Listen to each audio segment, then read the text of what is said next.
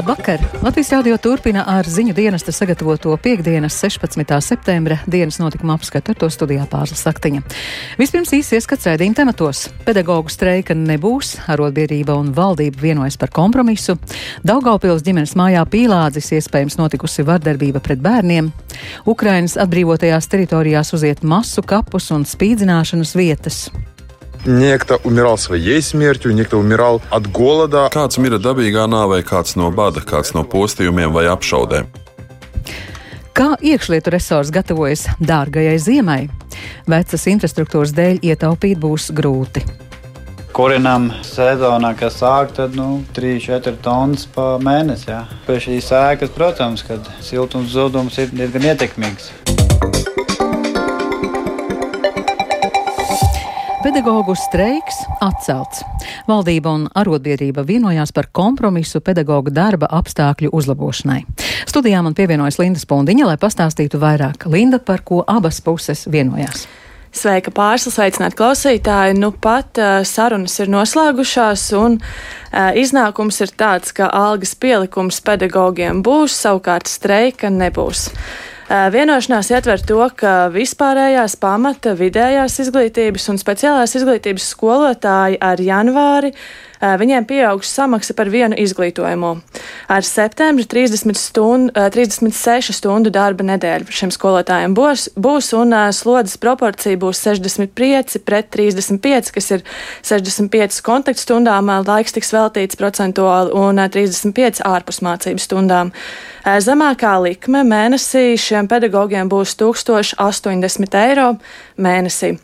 Uh, savukārt uh, pirmskolas uh, pedagogiem ar janvāri al, alga būs 1070 eiro mēnesī, kas ir par 100 eiro vairāk salīdzinot ar, to, ar šo brīdi. Un tas arī mazina šo nevienlīdzību, kas pašlaik ir starp šiem pedagogiem.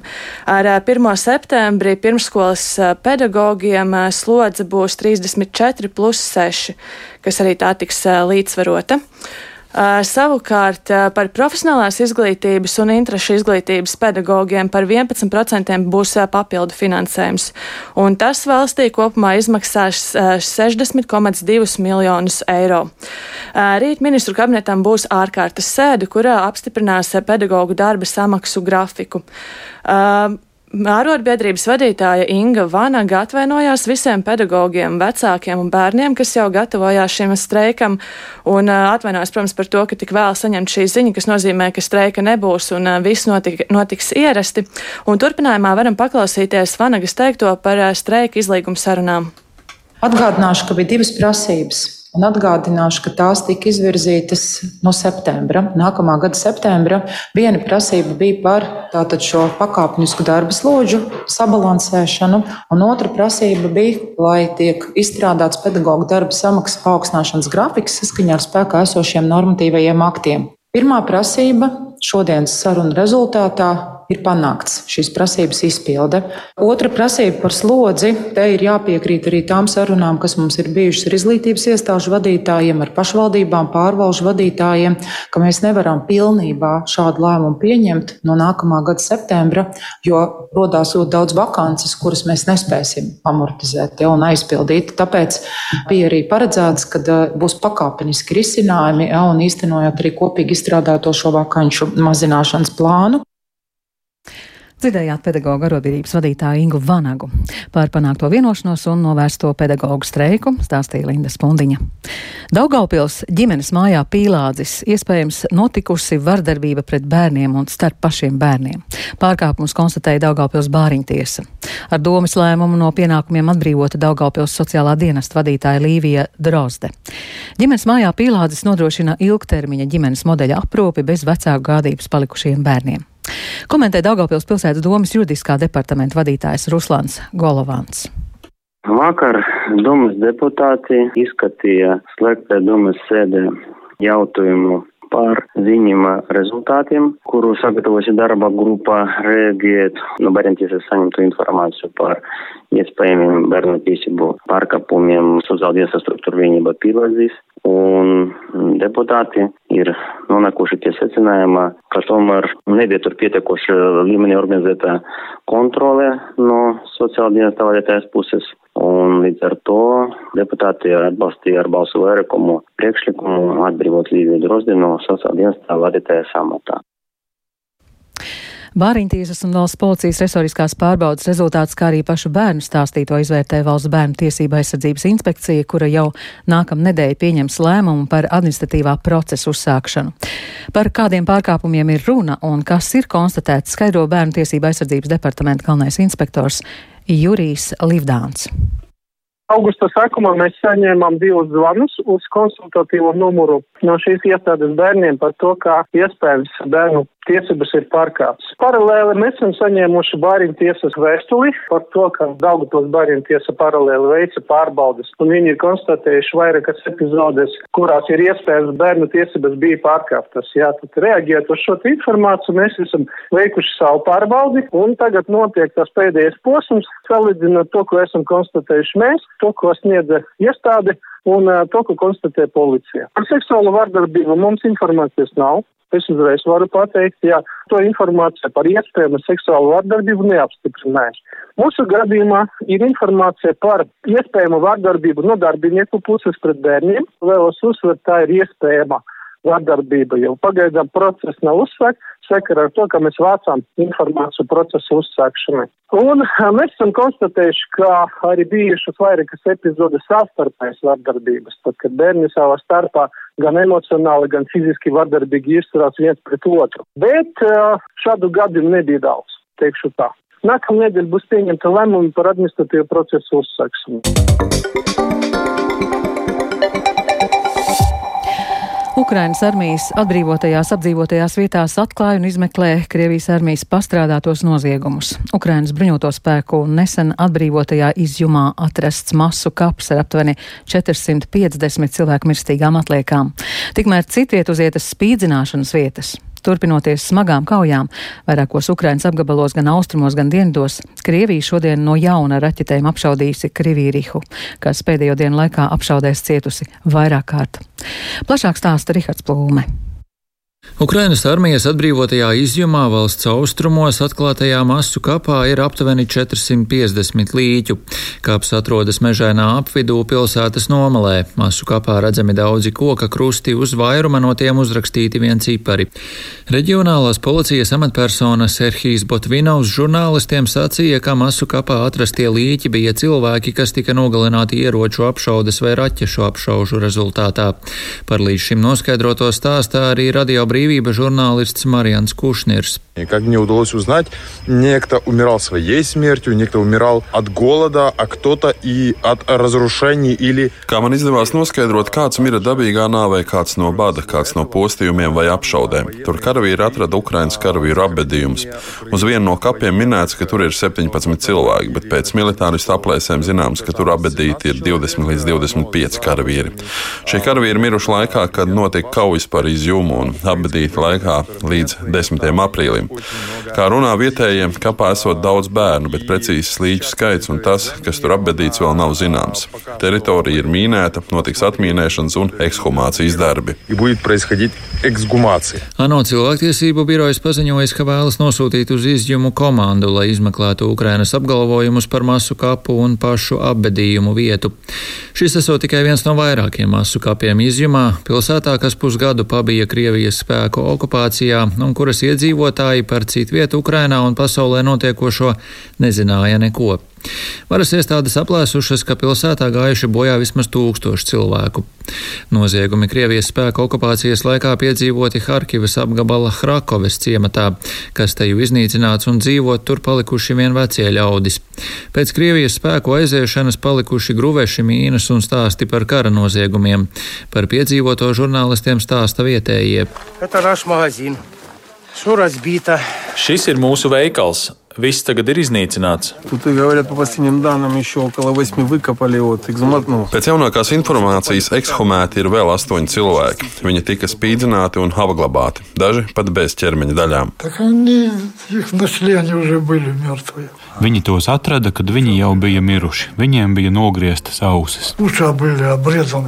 Ukrainas policijas priekšnieks Igors Klimenko sacīja, ka Harkivas apgabalā atklātas vismaz desmit civiliedzīvotāju spīdzināšanas vietas. Divas no tām atrastas ziemeļa austrumu pilsētā Balaklijā. Klimenko arī sacīja, ka varas iestādes nedēļas laikā ir uzsākušas 204 krimināla lietas, izmeklējot iespējamos kara noziegumus, ko pastrādājuši Krievijas spēki. Kaujas turpinās ne tikai Harkivas, Donetskas un Luhanskas apgabalos, bet arī valsts dienvidos Hersonas apgabalā. Kiseļivku, kas atrodas 15 km attālumā no okupētās Hersonas, Ukrainas spēkiem joprojām nav izdevies ieņemt, bet cīņas turpinās. Turpina Hersonas reģionālās padomas vadītāja pirmais vietnieks Jurijs Soboļevskis. Kiseļevka vēl ir pelēka, kaujas turpinās, pretinieks dod triecienus, bet puiši strādā. Domāju, ka tuvākajā laikā ziņas būs ar apstiprinājumu. Pagaidām tā diemžēl vēl nav mūsu, bet prognozes ir labas. Ienaidnieks gatavo aizsardzības līnijas, vāc dažādas betona konstrukcijas, lielos daudzumos pārvieto militāro tehniku. Vēl ir pāragri teikt, ka ienaidnieks tuvākajā laikā būtu gatavs aiziet no labā krasta, tur viņi vēl ir ļoti daudz. Да, там их очень много еще. Kā vēsta Ukrainas armijā, ienaidnieks dienvidos sācis biežāk izmantot aviāciju. Iebrucēji pašlaik ievēro distanci, triecienus dodot no attāluma un turas pie dzelzbetona konstrukcijām, ar kurām viņi aprīkojuši savas aizsardzības līnijas. Rihards Plūme, Latvijas radio. Vācija ir gatava uzņemties vadošo lomu Eiropas drošības nodrošināšanā. To paziņoja Vācijas kanclers Olafs Šolts, solot pārveidot savus valsts militāros spēkus par labāk aprīkotajiem kontinentā. Nodēvējot Krievijas prezidenta Vladimira Putina vadīto valsti par lielāko draudu NATO, Šolts sacīja, ka Eiropai ir jābūt gatavai stāties pret izaicinājumam. Dažas dienas pēc tam, kad Krievijas karavīri iegāja Ukrainā, Šolts paziņoja par 100 miljārdu eiro lielu fondu, lai pastiprinātu Vācijas militāro militāro aizsardzību un kompensētu gadu desmitiem ilgušo kronisko nepietiekamo finansējumu. Tomēr Vācija saņēmusi un turpina saņemt krietnu devu kritikas par nepietiekamu atbalstu sniegšanu Ukrainai. Turpina Šolts. Und zugleich machen wir glaubhaft klar, Deutschland ist bereit, an führender Stelle Verantwortung zu übernehmen für die Sicherung. Mēs pārliecinoši un skaidri pasakām, Vācija ir gatava uzņemties vadošo atbildību par mūsu kontinenta drošību. Kā visvairāk apdzīvotajai valstī ar vislielāko ekonomisko spēku un kā valstī kontinenta vidū, mūsu armijai ir jākļūst par konvencionālās aizsardzības stūrakmeni Eiropā, vislabāk aprīkotajiem spēkiem Eiropā. Tāds ir mērķis. Mums ir jāpierod, ka Putina Krievija pārskatāmā nākotnē sevi definēs kā pretinieku mums, NATO un Eiropas Savienībai. Mums ir nepieciešams saprātīgs skatījums uz realitāti un riskiem. Ist ein nüchterner Blick auf Realitäten und Risiken. Turpinājumā par to, kā iekšlietu resors gatavojas apkuras sezonai. Lielākā daļa no tam piedarošajām ēkām ir vecas un energo neefektīvas. Tas gaidāmai apkuras sezonā var prasīt daudz naudas. Dienesti taupa, taču darba specifikas dēļ to ir grūti īstenot. Iepriekšējā krīzē nācās uz laiku optimizēt vai slēgt, piemēram, atsevišķu ugunsdzēsēju depo. Kas gaidāms šī gada dārgajā ziemā, skaidroja Linda Spondiņa. Esmu valsts ugunsdzēsības un glābšanas dienesta Sigultas daļā, kur mani sagaida komandieris Uldis Millers. Apkurss sezona vēl nav sākusies, bet uh, mums ir siltumiņš. Var redzēt arī, ka telpas ir novecojušas. Telpas ir novecojušas, telpas ir mazas. Sagas biezas. Mēs paši kurinājām. Malkas apkura? Brikets, cik mēs paši sakurinām, cik arī siltums ir. Kā mēs kurinām sezonā, kas sāk, tad, nu, kā jau saka, 3-4 tonnas pa mēnesi. Pašiem ir termometrs, kur mēs regulējam nu, to 22, 24 grādu, lai telpās. Pie šīs ēkas, protams, kad siltums zudums ir diezgan, diezgan ietekmīgs. Jo dažās vietās vēl ir vecie logi vēl garāžā, kā piemēram. Glābēji norāda, ka mēģina taupīt elektrību, taču apgaismojumam jābūt gandrīz visās telpās visu dienu. Tā dežūra gaisa, kam jādeg visu laiku, ir garāžā dežūra jādeg visu laiku. Naktī ārā Pēc sienas arī gaismām jābūt. Nu, tur nevar vienkārši. Stundas kāpņu telpā, kur tiek kastāta gaisma un garāžās ir arī slēgt ārā, skriet pa tumsu, un tas nav prātīgi. Iepriekšējā krīzē Vugdu uz laiku optimizēja vai īslaicīgi slēdza atsevišķas struktūra vienības. Šajā krīzē to būtu grūti īstenot, stāsta dienesta priekšnieka vietnieks Interzitāns. Jo dažas no tām struktūra vienībām, kas eh, kādreiz bija apstādinātas uz laiku, tagad ir vispār optimizētas. Pagaidām to neplānojam, bet kaut kāda resursa trūkuma pēc, vai cilvēku resursa trūkuma pēc, vai nepietiekošās tehnikas pēc vai energoresursu trūkuma pēc. Var gadīties, ka kādu struktūru vienību uz laiku būs jāapstādina, un šeit tad ir jāatzīmē, ka diemžēl arī mūsu pakalpojuma pieejamība tiks samazināta. Tas pakalpojums tiks sniegs jebkurā gadījumā. Mēs nevaram nesniegt savus pakalpojumus. Jautājums tikai kādā laikā, cik ātri mēs ieradīsimies. Arī valsts policija līdztekus citām iestādēm ievēros un īstenos rekomendētos resursu taupības pasākumus, protams, pielāgojoties dienestu vajadzībām. Policijā norāda, ka jau šobrīd pievērš pastiprinātu uzmanību resursu taupības pasākumiem, tostarp racionalizējot to izmantošanas intensitātu un nepieciešamību. Nodrošinājumu valsts aģentūra apsaimnieko un pārvalda iekšlietu resoru nekustamos īpašumus. Aģentūra sagatavojusi galvenās vadlīnijas, kā nozarei pārcies gaidāmo apkursu sezonu taupīgi. Turpina aģentūras pārstāve Vendija Pikša Kučma. Ir jārunā par tādu samērību, ko drīkst un ko nedrīkst taupīt, lai mēs tā kā, nu, savu drošību un valsts drošību neapdraudētu. Iekšlietu resorā mums ir specifiski darba apstākļi, piemēram, maiņu darbi, dažādas dežūra daļas, izolātori, autogārāžas, tehniskās telpas un citas nestandarta darba vietas, kur gaidāmais ietaupījums noteikti nebūs ne tuvu tāds, lai mēs varētu nostakt šo sadārdu samazinājumu, taču mēs noteikti centīsimies samazināt patēriņu, cik vien to ir iespējams izdarīt. Daļa nodarbināto strādās attālināti, taču lielākā daļa klātienē darba specifikas dēļ. Linda Spundiņa, Latvijas radio. Lai sektu energoresursu sadārdzinājumu, iekšlietu resoram šogad trūkst vairāk nekā 5 miljoni eiro. Pēc nodrošinājuma valsts aģentūras aprēķiniem iekšlietu ministrija no sava budžeta varētu sekt nepilnus 4 miljonus. Iekšlietu resurs cer uz papildu finansējumu, tā saka ministrijas valsts sektāra vietniece Ingūna Aire. Ar viņu runāja Linda Spundiņa. Šogad energoresursu sadārdzinājuma sekšanai iekšlietu resorā trūkstošais finansējums ir 5,36 miljoni. Un oktobrī naudas elektrības apmaksāja par septembra mēnesi šobrīd uh, mums vairs uh, nav. Un cik mēs zinām, Finanšu ministrija šobrīd gatavo izskatīšanai politiķiem risinājumu par to, kā šo energoresursu sadārdzinājumu visā valsts pārvaldē varētu nosekt. Protams, ļoti gaidam šo papildus finansējumu. Ministrija ir uzsākusi energoresursu taupības pasākumus. Kā rezultātā mēs prognozējam šo energoresursu patēriņu samazinājumu, tomēr netik lielā apjomā lai nosaktu pieaugušo sadārdzinājumu. Cik lielu daļu no sadārdzinājuma ministrija var sekt, ieviešot taupības pasākumus? Protams, ka iekšlietu ministrijas mērķis e, ilgtermiņā kopīgiem spēkiem ir samazināt energoresursu patēriņu līdz 10%. E, Jaunajās ēkās šie te tehniskie risinājumi ļauj vairāk ekonomēt, bet tādu jaunu ēku kur ir šie modernie tehniskie risinājumi. Mums tādu objektu pagaidām ir maz. Lielākā daļa, protams, no ēkām ir diezgan vecas, bet jebkurā gadījumā šobrīd, ko mēs darām, mēs samazinām apgaismojumu intensitāti līdz minimāli pieļaujamam līmenim.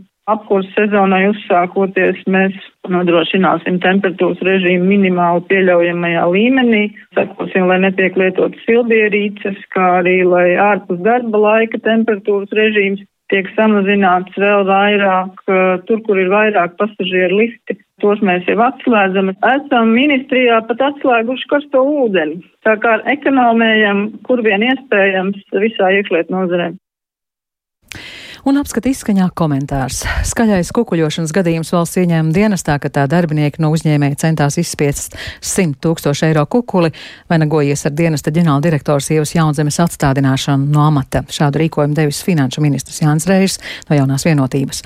Turpinājumā Linda Zalāns komentārs par vidu vadītājas atstādināšanas iemesliem. Formāli iemesli, kādēļ finanšu ministrs Jānis Rērs no jaunās vienotības no amata atstādinājis valsts ieņēmuma dienesta ģenerāldirektoru Ievu Jaunzemi, ir divi. Pirmais saistīts ar kukuļošanas lietu, kas plašākai sabiedrībai tapa zināms svētdien, proti aizdomās par koruptīvām darbībām, aizturēt vismaz trīs bijušie ilgadējie vide darbinieki, iespējams ar viņiem sadarbojies vēl kāds kolēģis. Pret diviem pierādījumiem ir tik daudz, lai viņi atrastos apcietinājumā. Šīs personas centās no koku rūpniecības uzņēmuma Stiga RM īpašnieka Andra Ramoliņa izspiest 100 tūkstošu eiro kukuli. Reirs uzsver, ka šis ir lielākais augsta ranga amatpersonu aizturēšanas gadījums Latvijā. Viņa ieskatā vidi ir lieli trūkumi iekšējās kontrolas mehānismos un uzraudzībā, kas ir noveduši pie šādas situācijas. Un tas iet roku rokā ar otro iemeslu. Reira prāti Jaunzeme nav dienestā pilnvērtīgi ieviesusi finanšu ministrijas ieteikums, it īpaši, kas attiecas uz vidu amatpersonu rotāciju. Šis jautājums tika aktualizēts pēc tam, kad pagājušā gadā Teheraus robežu kontrols punktā par kukļošanu aizturēja 29 muitniekus. Reirs vērš uzmanību, ka kopš tā laika neviena vidējā un augstākā ranga amatpersona vidā nav norotējusi. Savukārt Jaunzeme paliek pie sava, ka iekšējā kontrols sistēma strādā, negodprātīgie darbinieki tiek pieķerti, bet lolo cerības, ka vidi ir no korupcijas brīva zona, viņas prāt esot naivi. Attiecībā uz ilgtermiņa rotācijas plānu Jaunzeme Latvijas rādio paskaidro, ka rotācijas sistēmu nevar formāli ieviest, jo likums neparedz tādus visaptverošus rotācijas plānus. Katrs gadījums esot jāizvērtē. Rotācija vidu notiekot, bet tad, kad esot jēga vienu vai otru amatpersonu rotēt uz citu posteni, nevis vienkārši tāpat. Līdz ar to pēc būtības sanāk, ka Rērs uzdod vidam izpildīt to, ko pēc likuma izdarīt nevar. Reirs Jaunzemes atbildības dārziņā met akmeni arī par komunikācijas trūkumu. Pēc Reira domā nav pieļaujams, ka Jaunzeme vairākas dienas, kad tapa zināms skaļais kukļošanas gadījums vidā, nesniedza komentāru nedz sabiedrībai, nedz arī pašam finanšu ministram.